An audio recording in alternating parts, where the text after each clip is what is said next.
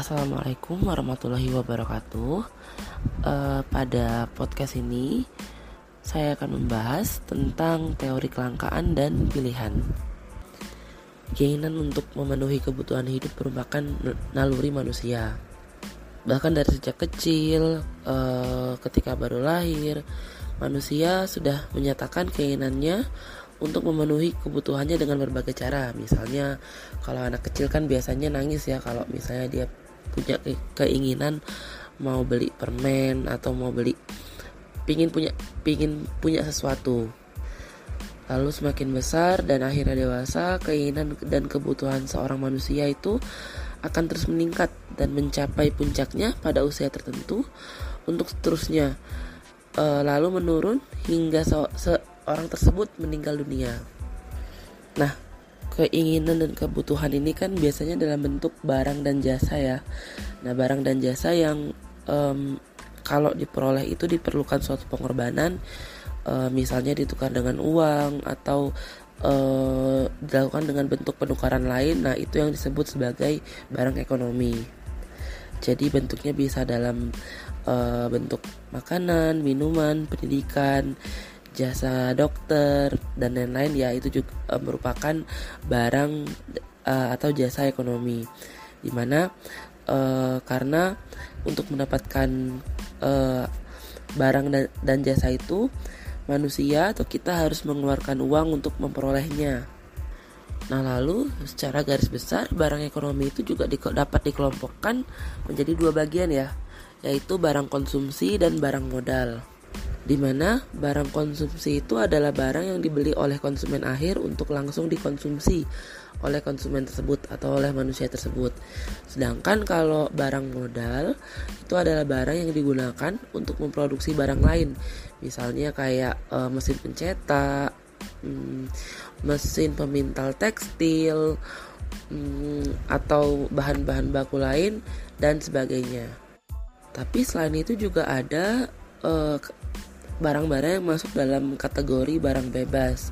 Nah, barang bebas ini adalah eh, barang-barang uh, kebutuhan manusia yang untuk memperolehnya itu tidak memerlukan pembayaran atau transaksi ya. Misalnya kayak udara yang kita hirup. Terus kalau dulu itu air ya, air yang berasal dari sumur, dari tanah gitu. Lalu sampai pada tahap pemerintah membuat uh, perusahaan B, BUMN ya uh, yaitu PAM perusahaan air minum di mana yang akhirnya membuat uh, status air ini menjadi tidak lagi menjadi barang bebas tapi menjadi barang ekonomi. Berbicara mengenai masalah dasar ekonomi biasanya berkaitan dengan uh, kelangkaan. Nah, um, kalau misalnya kebutuhan masyarakat itu masih bisa dipenuhi karena sumber dayanya tercukupi gitu kan maka nggak akan jadi ada persoalan dia nggak akan ada masalah. Nah namun kalau misalnya kebutuhan um, masyarakat satu kelompok masyarakat ya nggak nggak seseorang gitu nggak cuma satu orang itu um, melebihi kemampuan dari penyediaan barang atau jasa tersebut, nah maka itulah akan terjadi yang namanya kelangkaan. Nah, pada saat terjadi kelangkaan ini biasanya manusia akan menghadapi uh, pilihan ya untuk mengalokasikan sumber daya yang dikuasainya agar kebutuhannya terpenuhi secara optimal. Nah, kadang-kadang dengan adanya relativitas kelangkaan barang itu bukan berarti menyatakan bahwa uh, sumber daya yang ada tidak mampu mencukupi kebutuhan uh, sekelompok masyarakat gitu. Bisa aja terjadi karena suatu sumber da sumber daya itu langka di masyarakat karena ada satu tekanan kondisi tertentu misalnya seperti uh, saat contoh ini ya uh, ketika ada isu kenaikan harga BBM, harga bensin ya.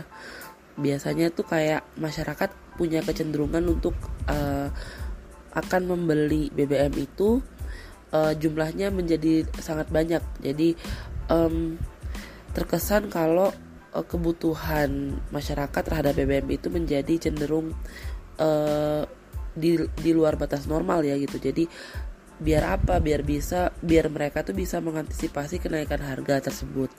Jadi biar mereka uh, di dalam pola pikir mereka kalau ketika nanti harga BBM eh, saat harga BBM belum naik mereka bisa menyimpan atau nyetok BBM tersebut dengan jumlah tertentu. Jadi ketika barang itu udah harganya udah naik mereka punya persediaan awal nih untuk eh, jaga-jaga ketika nanti BBM-nya udah naik lagi harganya di mana pada akhirnya ini akan mengakibatkan kelangkaan BBM karena uh, tingginya jumlah permintaan tadi. Nah, berdasarkan contoh yang tadi saya berikan, itu kan ada penjelasan dari Allah Subhanahu wa taala di dalam surat Asyura ayat 27 di mana dalam bahasa Indonesia itu berbunyi dan jikalau Allah melapangkan rezeki kepada hamba-hambanya tentulah mereka akan melampaui batas di bumi ini dan tafsir dari ayat tersebut itu adalah Allah Subhanahu wa taala menciptakan langit dan bumi dan segala apa yang ada di antara keduanya untuk kesejahteraan umat manusia. Dan untuk itu, manusia harus memanfaatkannya seoptimal mungkin tanpa menimbulkan kerusakan dan ketidakadilan di muka bumi. Jadi dari contoh kelangkaan BBM tadi, itu kan itu dapat dijadikan sebenarnya bisa dijadikan uh, momen untuk uh, manusia untuk menguji keimanan dan kesabarannya gitu. Lalu kita kembali lagi ke tafsir dari uh, uh, surat Asyura ayat 27 tadi ya. Jadi kalau dikaitkan dengan konsep kelangkaan, uh, implikasi dari prinsip uh, itu adalah tidak ada kelangkaan absolut di, di muka di muka bumi ini. Jadi kalau menurut Masudul Alam Kauduri dalam bukunya Contributions to Islamic Economy Theory Manusia menduga adanya kelangkaan karena adanya keterbatasan pengetahuan tentang bagaimana cara memanfaatkan sumber daya yang dimilikinya. Nah, artinya di sini dalam konsep Islam tentang ekonomi, barang-barang yang dapat diolah oleh manusia dapat digolongkan sebagai barang-barang yang memiliki kelangkaan. Dan itu termasuk dalam uh, barang ekonomi tadi. Sedangkan barang-barang yang masih di luar jangkauan kapasitas produktif manusia itu bukanlah barang-barang yang langka. Dengan demikian tergolong bukan barang ekonomi. Misal nih contohnya ada sebongkah ini ya, ada misalnya temuan um, logam, nggak logam lah, misalnya suatu zat kimia, misalnya namanya uranium ya. Uh, dia itu bisa menjadi barang ekonomi atau tidak bagi manusia itu tergantung pada apakah manusia itu bisa uh, apa ya memanfaatkan uranium tersebut uh, apakah dia bisa bermanfaat dalam kehidupan manusia atau bisa menjadi kebutuhan atau enggak jadi misalnya manusia bisa nggak menemukan fakta kalau misalnya dalam satu kilogram uranium itu memiliki energi yang sangat besar, setara dengan energi untuk menggerakkan 500 ribu jantung manusia selama satu tahun penuh tanpa henti. Kalau misalnya manusia itu udah tahu nih uh, manfaat uranium itu itu tak itu kan. Uh, tapi dia nggak tahu cara memanfaatkannya cara menggunakannya cara memproduksinya. Maka uranium tersebut juga nggak akan ada uh, manfaat ekonomisnya atau nggak bisa menjadi barang ekonomi. Sebaliknya kalau uh, apa ya kalau uranium ma manusia udah tahu cara mengolahnya cara mengambil uranium itu terus punya teknologi lah untuk mengelola uranium itu gitu kan. Maka itu bisa dikatakan sebagai barang ekonomi. Nah jadi di sini artinya dalam teori atau pandangan ekonomi Islam terhadap konsep kelangkaan ini menjadi relatif ya. Karena tergantung pada pengetahuan manusia dan kemampuan manusia dalam memanfaatkan barang tersebut. Lalu dengan adanya kelangkaan juga bisa membuat seseorang menjadi bijak ya dalam menentukan alokasi sumber daya yang dimilikinya. Maksudnya di sini sumber daya itu ya bisa jadi dalam bentuk uang ya, finansial, kemampuan finansialnya seperti itu. Misal contohnya uh, dalam satu keluarga itu misalnya terdiri dari uh, ayah, ibu, bapak, ayah, ibu dan dua anak ya. Di mana misalnya uh, pada suatu waktu uh, ibu dan ayah ini berencana untuk menunaikan ibadah haji bersama.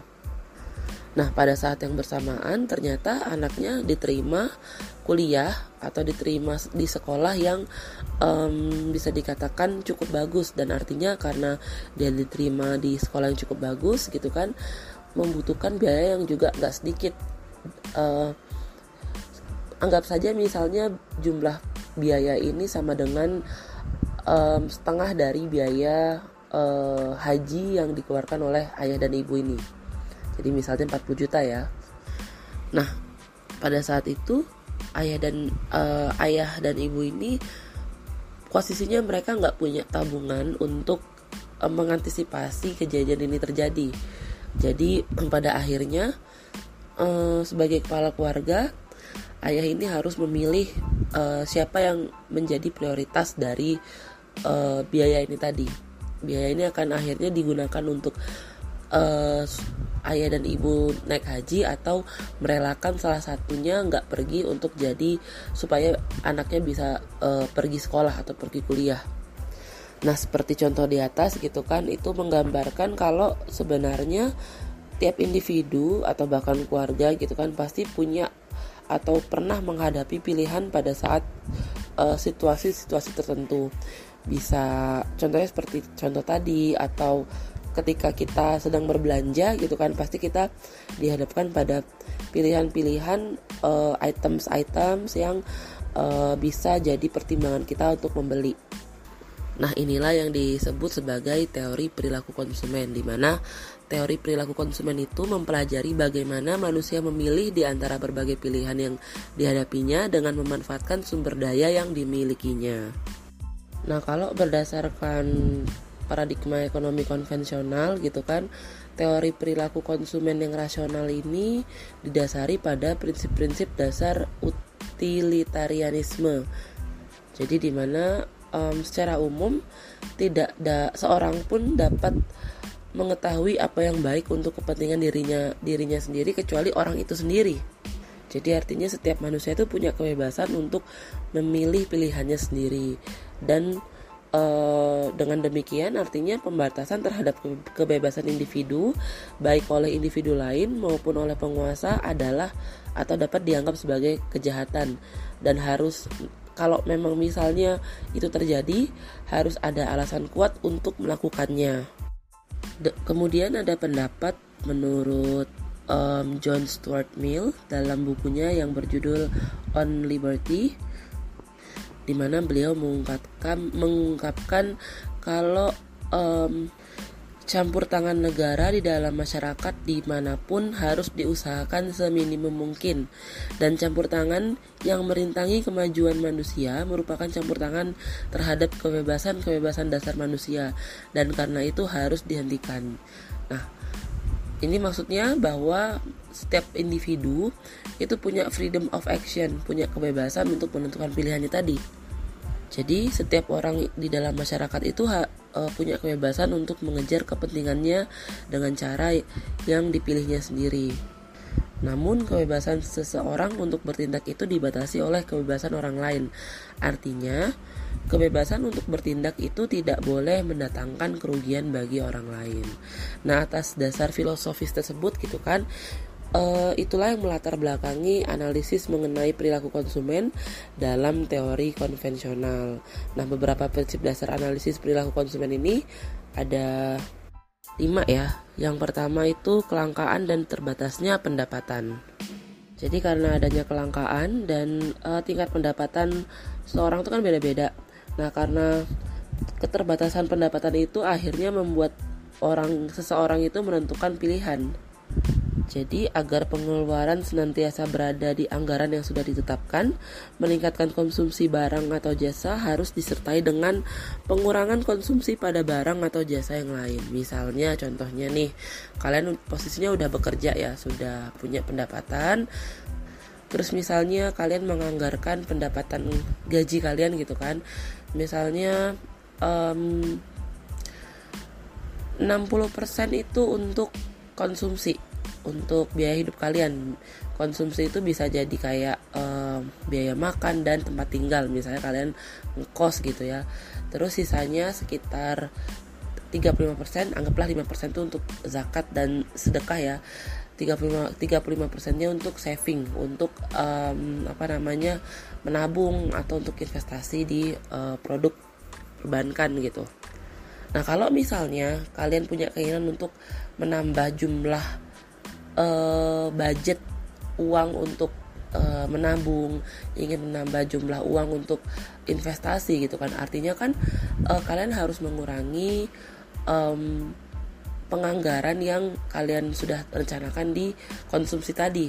Kalian misalnya kayak mengurangi dana untuk uh, apa namanya konsumsi, biaya makan gitu kan atau di pos yang lainnya misalnya kayak pos untuk uh, self reward jalan-jalan misalnya seperti itu. Lalu yang kedua, konsumen mampu membandingkan biaya dengan manfaat. Jadi kalau misalnya uh, manusia atau konsumen itu dihadapkan pada dua barang yang mem memberi, memberikan manfaat yang sama pasti individu tersebut manusia tersebut kita kan akan memilih barang dengan uh, yang harganya lebih murah nah, namun ada juga uh, pandangan lain misalnya kalau misalnya untuk memperoleh dua jenis barang tersebut dibutuhkan biaya yang sama maka konsumen akan memilih barang yang memberikan manfaat lebih besar. Misalnya kayak kalian mau beli HP kalian udah udah budgetin misalnya mau beli HP uh, eh, uang yang kalian miliki 3 juta misalnya seperti itu. Nah kalian pasti akan pilih-pilih kan yang uh, dari harga 3 juta itu saya pasti akan pilih lihat-lihat dulu nih uh, eh, HP tip merek apa tipe apa yang punya uh, fitur lebih baik punya kualitas lebih baik atau punya masa apa namanya um, garansi yang lebih panjang misalnya seperti itu. Lalu yang ketiga, tidak selamanya konsumen dapat memperkirakan manfaat dengan tepat. Jadi ini maksudnya adalah misalnya saat membeli suatu barang bisa jadi manfaat yang diperoleh tidak sesuai dengan harga yang harus dibayarkan. Misalnya nih kalian beli makanan di makanan ya makanan pad, uh, apa Minang di restoran Minang gitu kan di dua restoran Minang gitu yang satu di restoran Minang yang udah punya nama yang satu lagi di uh, rumah makan Padang biasa gitu namun ternyata setelah kalian makan setelah kalian cicipin gitu kan ternyata uh, makanan yang kalian beli di rumah makan Padang biasa ini lebih enak dibanding kalau kalian beli uh, makanan ini di restoran Minang yang udah punya nama ini. Jadi artinya itu kan kalian akan merasa oh yang saya keluarkan uangnya untuk beli di restoran Mina yang udah punya nama ini nggak sebanding sama yang saya harapkan kayak gitu. Jadi dari pengalaman tersebut akan menjadi informasi bagi konsumen lain uh, ketika ada konsumen lain yang apa ya butuh informasi uh, atau validasi tentang uh, makanan yang enak ini dari dua restoran ini. Lalu yang keempat, setiap barang dapat disubstitusi dengan barang lain. Jadi artinya konsumen dapat memperoleh kepuasan dengan berbagai cara. Dan yang terakhir, konsumen tunduk kepada hukum berkurangnya tambahan kepuasan atau the law of diminishing marginal utility. Jadi dalam uh, konsep hukum itu semakin banyak jumlah barang yang dikonsumsi, semakin kecil tambahan kepuasan yang dihasilkan misalnya nih kalau kalian lapar saat kalian lagi lapar banget gitu kan pasti kalian kebayang kalau pingin ma makan nasi bungkus dari rumah makan Padang gitu kan jadi kalian misalnya beli beli satu nih beli satu bungkus uh, nasi Padang gitu. Nah, ketika kalian makan itu kan pasti rasanya akan nikmat sekali ya karena kalian makannya dalam posisi uh, saat sedang lapar-laparnya gitu. Nah, lalu kalian pengen ini lagi nih pengen beli lagi. Beli satu bungkus nasi padang lagi mungkin dengan lauk yang berbeda. Nah ketika kalian konsumsi lagi dalam keadaan kalian udah makan satu nasi bungkus gitu kan pasti kan uh, kenikmatan yang kalian rasakan ketika makan lagi itu nggak sama dengan saat kalian pertama kali makan pada saat kalian lagi lapar lagi lapar-laparnya gitu kan. Ini kan dalam kalian makan nasi bungkus yang kedua ini dengan kondisi udah perut kalian udah terisi dengan nasi bungkus yang pertama. Itu jadi di sini maksudnya adalah kepuasan yang kalian dapatkan ketika mengkonsumsi barang yang kedua atau yang selanjutnya gitu kan itu nggak sama ketika kalian um, mengkonsumsi barang pertama itu yang dimaksud dengan hukum berkurangnya tambahan kepuasan Lalu ada asumsi sentral dalam teori ekonomi mikro neoklasik di mana manusia itu e, katanya berperilaku secara rasional. Asumsi ini ada e, agar bisa membangun teori yang e, menyatakan bahwa e, apa ya perilaku manusia itu mempunyai e, bisa terprediksi dalam memenuhi kebutuhannya ketika mereka dihadapkan dengan keterbatasan sumber daya yang dimilikinya. Misal nih contohnya ketika kita makan di restoran gitu kan, kalau kita suka sama pelayanan yang diberikan oleh um, pelayan di apa ya uh, pelayan restoran di di sana gitu kan, biasanya tuh um, beberapa orang atau beberapa konsumen tuh bakal memberikan tip ya atau um, uang tambahan kepada pelayan tersebut. Nah, bagi beberapa orang beberapa orang gitu kan memberikan tip ini um, atau memperlakukan manusia sebagai orang senang ini kan termasuk uh, perlakuan yang rasional aja gitu. Tapi bisa jadi nggak uh, rasional di mata beberapa atau sekelompok orang tertentu. Jadi kalau dalam konsep uh, ekonomi konvensional itu asumsi rasionalitas ini bisa berbeda-beda. Nggak punya dasar. Nah dasar dari rasionalitas itu apa sih? Itu kan. Yaitu adanya pengetahuan atau perkiraan mengenai akibat dari sesuatu yang kita lakukan Nah, contoh lain misalnya um, mengeluarkan sedekah dari penghasilan kita tanpa ada transaksi penyimbang yang tampak di depan mata boleh jadi dianggap irasional ya, mas enggak enggak rasional bagi beberapa orang yang tidak memahami esensi dan manfaat bersedekah.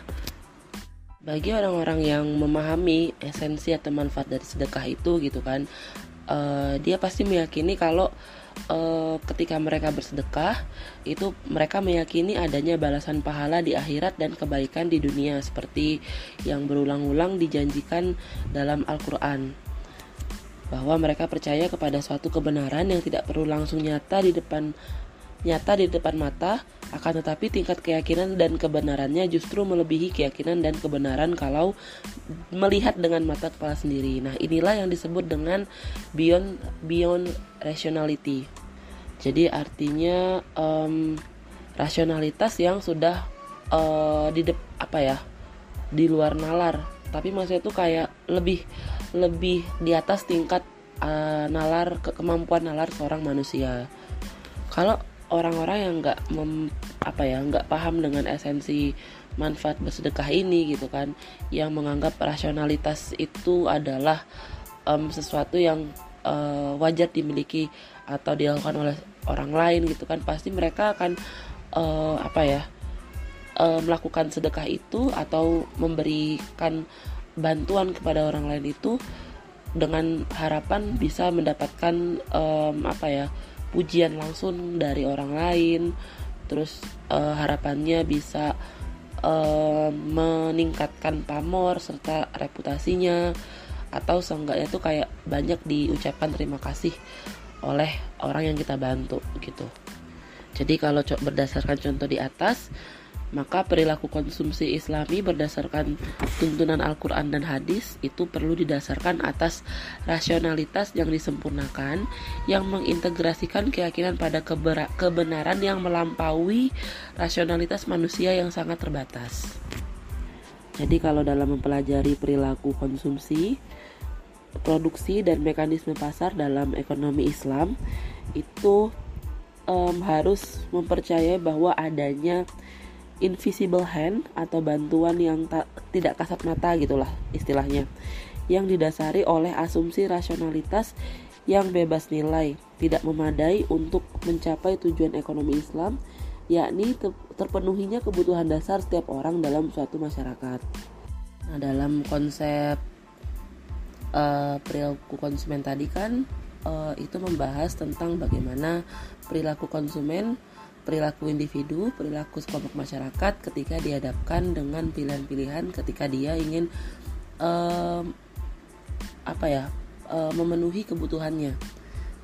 Nah, dalam melakukan pilihan itu pasti mereka itu akan memilih berdasarkan bisa dari tingkat harga ataupun manfaat yang dapat mereka uh, rasakan ketika mereka mendapatkan barang atau jasa itu. Nah, dalam pemenuhan kebutuhan ini gitu kan, dalam konsep perilaku konsumen Islami itu ada yang namanya konsep maslahah. Di mana maslahah itu adalah suatu gambaran dari meraih manfaat atau menghindarkan kemudaratan dengan memelihara tujuan-tujuan hukum syara. Ini menurut Imam Al-Ghazali. Tujuan hukum syara ini ya, ya uh, ini ya maksudnya itu adalah uh, tujuan hukum menurut syariat Islam. Nah, tujuan hukum syara ini mempunyai lima elemen yaitu kehidupan atau al-nafs, harta atau al-mal, keyakinan atau al-din, intelektual al-aql, dan keturunan al-nasl. Nah, maksud dari uh, elemen kehidupan atau al-nafs ini adalah karena hukum Islam itu wajib memelihara hak manusia untuk hidup dan mempertahankan kehidupannya. Lalu harta atau al-mal, yaitu tujuan hukum Islam yang merupakan pemberian Tuhan kepada manusia agar manusia dapat mempertahankan hidup dan melangsungkan kehidupannya. Lalu ada juga keyakinan atau aldin itu maksudnya adalah karena keyakinan atau agama itu adalah pedoman dalam kehidupan manusia. Selanjutnya intelektual atau al-aql ini merupakan hal penting ya dalam tujuan hukum Islam, uh, tujuan hukum syara karena dengan mempergunakan akal manusia dapat berpikir tentang Allah, alam semesta dan dirinya sendiri dan yang terakhir adalah uh, keturunan atau al-nasl yaitu ber bertujuan agar kemurnian darah dapat dijaga dan kelanjutan umat manusia dapat diteruskan. Jadi semua barang dan jasa yang mendukung tercapainya dan terpeliharanya kelima elemen tersebut di atas uh, pada setiap individu itulah yang disebut sebagai maslahah. Di kegiatan-kegiatan ekonomi yang meliputi produksi, konsumsi, pertukaran, yang menyangkut masalah masalah ini tersebut harus dikerjakan sebagai suatu ibadah ya. Harus dianggap itu e, ibadah.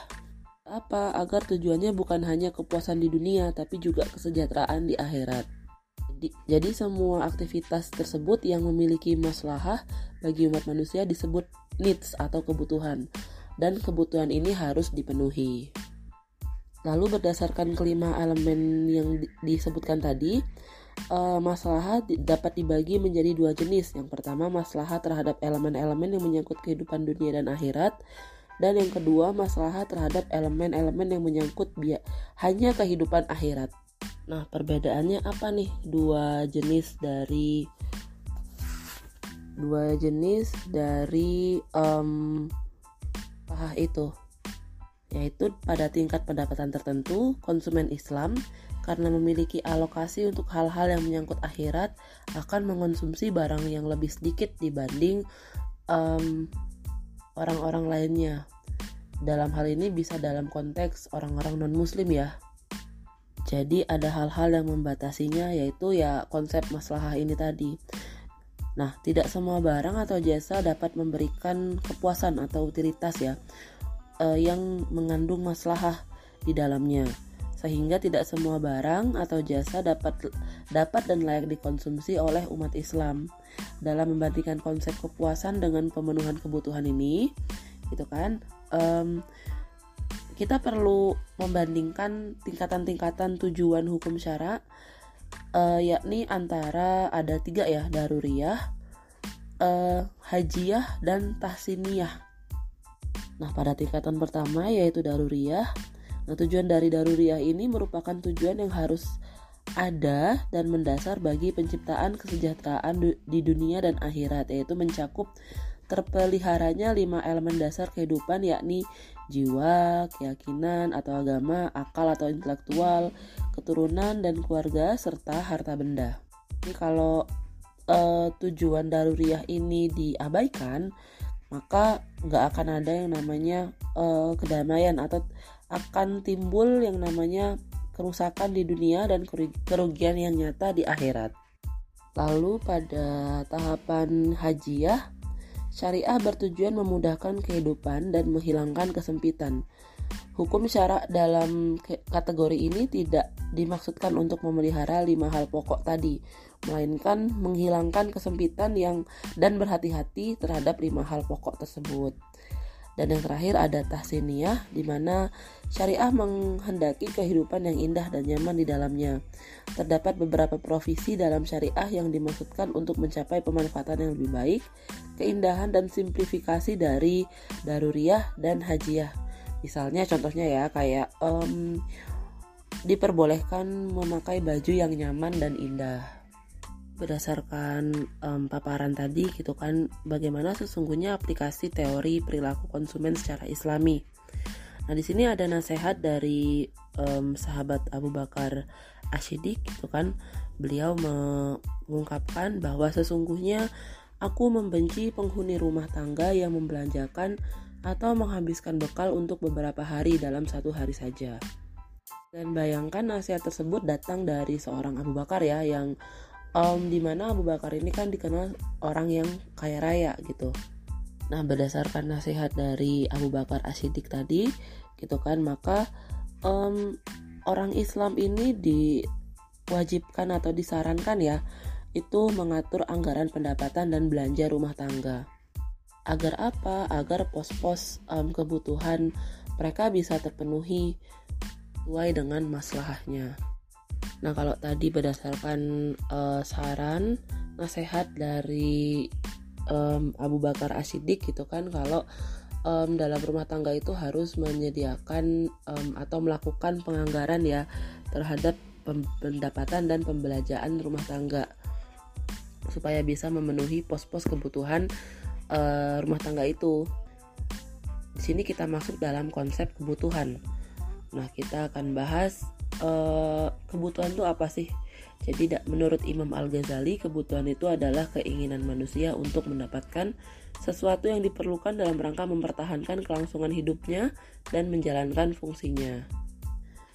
Islam mengajarkan kepada kita agar pengeluaran rumah tangga itu dalam rumah tangga muslim ya lebih mengutamakan kebutuhan pokok sehingga dengan uh, sesuai dengan uh, tujuan syariat. Nah, se ada tiga jenis ya kebutuhan pokok. Yaitu yang pertama kebutuhan primer.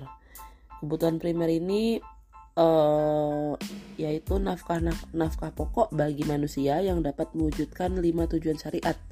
Yang tadi ya yang um, memelihara jiwa akal agama keturunan dan kehormatan. Tanpa kebutuhan primer kehidupan manusia nggak akan ada jadi kebutuhan ini biasanya kan meliputi makan, minum, tempat tinggal, um, terus pakaian. Lalu yang kedua adalah kebutuhan sekunder. Kebutuhan sekunder ini adalah kebutuhan manusia untuk memudahkan kehidupan agar terhindar dari kesulitan. Um, kebutuhan ini tidak perlu dipenuhi sebelum atau tidak bisa dipenuhi ya sebelum kebutuhan primernya udah terpenuhi. Nah, kebutuhan ini pun masih berkaitan dengan lima tujuan syariat tadi. Contoh dari kebutuhan sekunder tuh kayak pendidikan, asuransi kesehatan, seperti itu. Dan yang terakhir adalah kebutuhan pelengkap, yaitu kebutuhan yang dapat menciptakan kebaikan dan kesejahteraan dalam kehidupan manusia. Pemenuhan kebutuhan ini tergantung pada bagaimana pemenuhan kebutuhan primer dan sekunder, serta um, tentunya harus berkaitan dengan lima tujuan syariat. Lalu dalam ilmu ekonomi konvensional, konsep kebutuhan dan keinginan ini tidak dibedakan atau sama aja ya. Karena keduanya dapat memberikan efek yang sama apabila tidak terpenuhi yaitu kelangkaan. Berbeda uh, dalam konsep ilmu ekonomi Islam yang um, selalu mengaitkan kegiatan memenuhi kebutuhan itu dengan tujuan utama manusia diciptakan. Misalnya contohnya kalau dalam ilmu ekonomi konvensional itu kan misalnya kenapa kita harus makan? Kalau orang yang hanya meyakini ilmu ekonomi konvensional gitu kan mereka akan menjawab kalau um, makan itu untuk hidup gitu. Supaya bisa bertahan hidup. Tapi kalau dalam konsep eh, ilmu ekonomi Islam ketika ditanya kenapa kita diharuskan makan diwajibkan untuk makan? Selain untuk um, bertahan hidup supaya apa? Bisa menunaikan kewajiban kita. Apa apa sih kewajiban seorang uh, umat muslim? Yaitu beribadah kepada Allah Subhanahu wa taala. Seperti itu. Lalu pembahasan tentang tingkatan pemenuhan kebutuhan manusia ini sebenarnya udah jadi um, perhatian para ulama ya di sepanjang zaman gitu. Penyusunan tingkatan konsumsi ini menjadi menarik karena kalau dalam Islam um, memberikan norma-norma dan batasan-batasan pada individu dalam rangka memenuhi kebutuhan hidup mereka. Nah, norma dan batasan ini kemudian akan membentuk gaya hidup ya atau lifestyle dan pola perilaku konsumsi tertentu yang la yang secara lahiriah akan membedakan dari gaya hidup yang tidak diilhami oleh roh ajaran Islami. Jadi Imam Al-Ghazali dalam bukunya yang berjudul Ihya Ulum, Ulumiddin membagi tiga tingkatan konsumsi yaitu had ad-darurah, had al-hajjah, dan yang tertinggi adalah had at-tanaum. Nah, maksud had had ad-darurah atau batasan darurat adalah tingkat konsumsi yang paling rendah dan bila manusia berada dalam kondisi ini, dia hanya mampu bertahan hidup dengan penuh kelemahan dan kesusahan. Artinya dia hanya punya kemampuan untuk memenuhi kebutuhan dasarnya aja gitu. Nah, Imam Al-Ghazali sendiri menolak gaya hidup seperti ini karena individu tidak akan mampu melaksanakan kewajiban agama dengan baik dan akan meruntuhkan sendi-sendi keduniaan yang pada gilirannya juga akan meruntuhkan agama karena dunia adalah ladang akhirat. Jadi pada tingkatan ini biasanya ya orang cuma berpikir untuk bagaimana dia memenuhi kebutuhannya tanpa memikirkan kalau yang namanya ketika kita punya penghasilan, punya pendapatan, kita punya kewajiban untuk bersedekah, melakukan zakat seperti itu. Lalu pada tingkatan ta, uh, had at-tanaum ya yang paling tinggi ini uh, merupakan atau bisa digambarkan bahwa individu pada tahapan ini melakukan konsumsi tidak hanya didorong oleh usaha memenuhi kebutuhannya, tetapi juga bertujuan untuk bersenang-senang dan menikmati um, apa ya nikmat duniawi. Jadi kalau menurut Imam Imam Al Ghazali um, pada tingkatan ini sebenarnya nggak cocok ya dilakukan oleh se seorang umat Islam, seorang mukmin, di mana kan tujuannya hidupnya itu menca untuk mencapai derajat tertinggi dalam ibadah dan ketaatan. Um, jadi nggak semua kegiatan atau aktivitas dalam tingkatan ini dihalalkan ya jadi kalaupun dihalalkan yaitu ketika individu dapat menikmatinya dalam ke, dalam kerangka menghadapi nasib di akhirat atau dia punya tujuan untuk um, berbuat kebaikan seperti itu. Tapi ya tetap uh, pasti akan dimintai pertanggungjawabannya. Jadi pada tingkatan ini um, ditegaskan bahwa um, meninggalkan tingkatan hatta naum ini tidak diwajibkan secara keseluruhan. Begitu juga menikmatinya juga tidak dilarang semuanya. Lalu yang ketiga itu um, adalah tingkatan hat al hajjah di mana ini berada di antara hat ad dan hat tanaum. Jadi individu yang melakukan konsumsi pada tingkatan ini dianjurkan untuk ekstra waspada karena um, ujung batasan ini dapat menjerumuskan ke hal-hal yang membuatnya terlena secara tidak sadar dan akhirnya melalaikan tugasnya dalam beribadah kepada Allah Subhanahu wa taala. Jadi dia harus bisa membedakan um, tingkatan konsumsi yang paling rendah tapi juga dia um, harus bisa menahan dirinya supaya tidak melakukan atau tidak banyak uh, mempunyai tingkatan konsumsi pada tingkatan paling tinggi tadi. Tujuannya biar apa? Agar konsumsi yang dilakukan oleh dia itu tetap memenuhi um, standar 5 elemen dari masalah tadi. Nah, dari pembahasan tadi, kira-kira udah um, punya gambaran tentang um, relativitas kelangkaan. Jadi kalau dalam um, konsep ekonomi Islam gitu kan relativitas kelangkaan itu merupakan masalah dalam cakupan mikro sedangkan kecukupan sumber daya atau sumber ekonomi merupakan masalah dalam cakupan makro atau global ini dijelaskan dalam surat Al-Hasyr uh, ayat 19 sampai 20 di mana di dalam surat ini mengisyaratkan bahwa nikmat Allah yang diturunkan kepada hambanya sangat beragam dan sangat tidak mungkin kita dapat menghitungnya secara pasti. Oleh karena itu, ketika suatu sumber ekonomi jumlahnya diperkirakan akan habis, maka tugas manusia adalah menemukan sumber lain yang dapat menggantikannya. Nah, lalu ada beberapa faktor yang menyebabkan perbedaan tingkat kesejahteraan yang terjadi antara satu wilayah dengan wilayah lainnya. Yang pertama, adanya perbedaan distribusi sumber ekonomi. Jadi biasanya kan tiap wilayah itu punya hasil komoditas yang berbeda-beda dengan wilayah lainnya. Di sini ternyata um, hasil komoditas itu mem, apa ya menentukan dari menentukan um, laju pertumbuhan penduduk dan kelebihan dari eh, tiap-tiap uh, wilayah tersebut. Lalu yang kedua, kurangnya pemberdayaan manusia terhadap sumber-sumber ekonomi. Maksudnya karena di sini uh, kita bisa tahu ya sama-sama tahu kalau uh, kualitas pendidikan tiap daerah itu nggak rata, berbeda-beda gitu. Jadi kadang-kadang um, uh, terjadi ketidakmerataan pemberdayaan manusia karena perbedaan kualitas pendidikannya tadi sehingga itu bisa mengakibatkan um, ketidakmerataan kesejahteraan uh, beberapa wilayah. Yang ketiga, kecenderungan manusia untuk hidup secara materialistis dan konsumerisme uh, yang hanya berlandaskan atas pendapatan yang ada tanpa memandang unsur-unsur pemborosan. Dan yang terakhir adalah krisis moral. Jadi karena ya kita bisa lihat sekarang ya eh, banyak kecenderungan pihak penguasa ekonomi untuk mengeksploitasi negara-negara miskin. Terus juga kadang-kadang negara-negara yang merasa dirinya kaya akan satu komoditas, mereka enggan untuk um, membantu pemenuhan kebutuhan bagi negara-negara yang mengalami kekurangan. Nah, ini biasanya terjadi karena ada dorongan oleh faktor ekonomi atau politik kekuasaan. Baiklah, demikian penjelasan tentang teori kelangkaan dan pilihan. Ada pertanyaan mengenai um, materi hari ini bisa disampaikan melalui uh, grup WhatsApp. Terima kasih. Wassalamualaikum warahmatullahi wabarakatuh.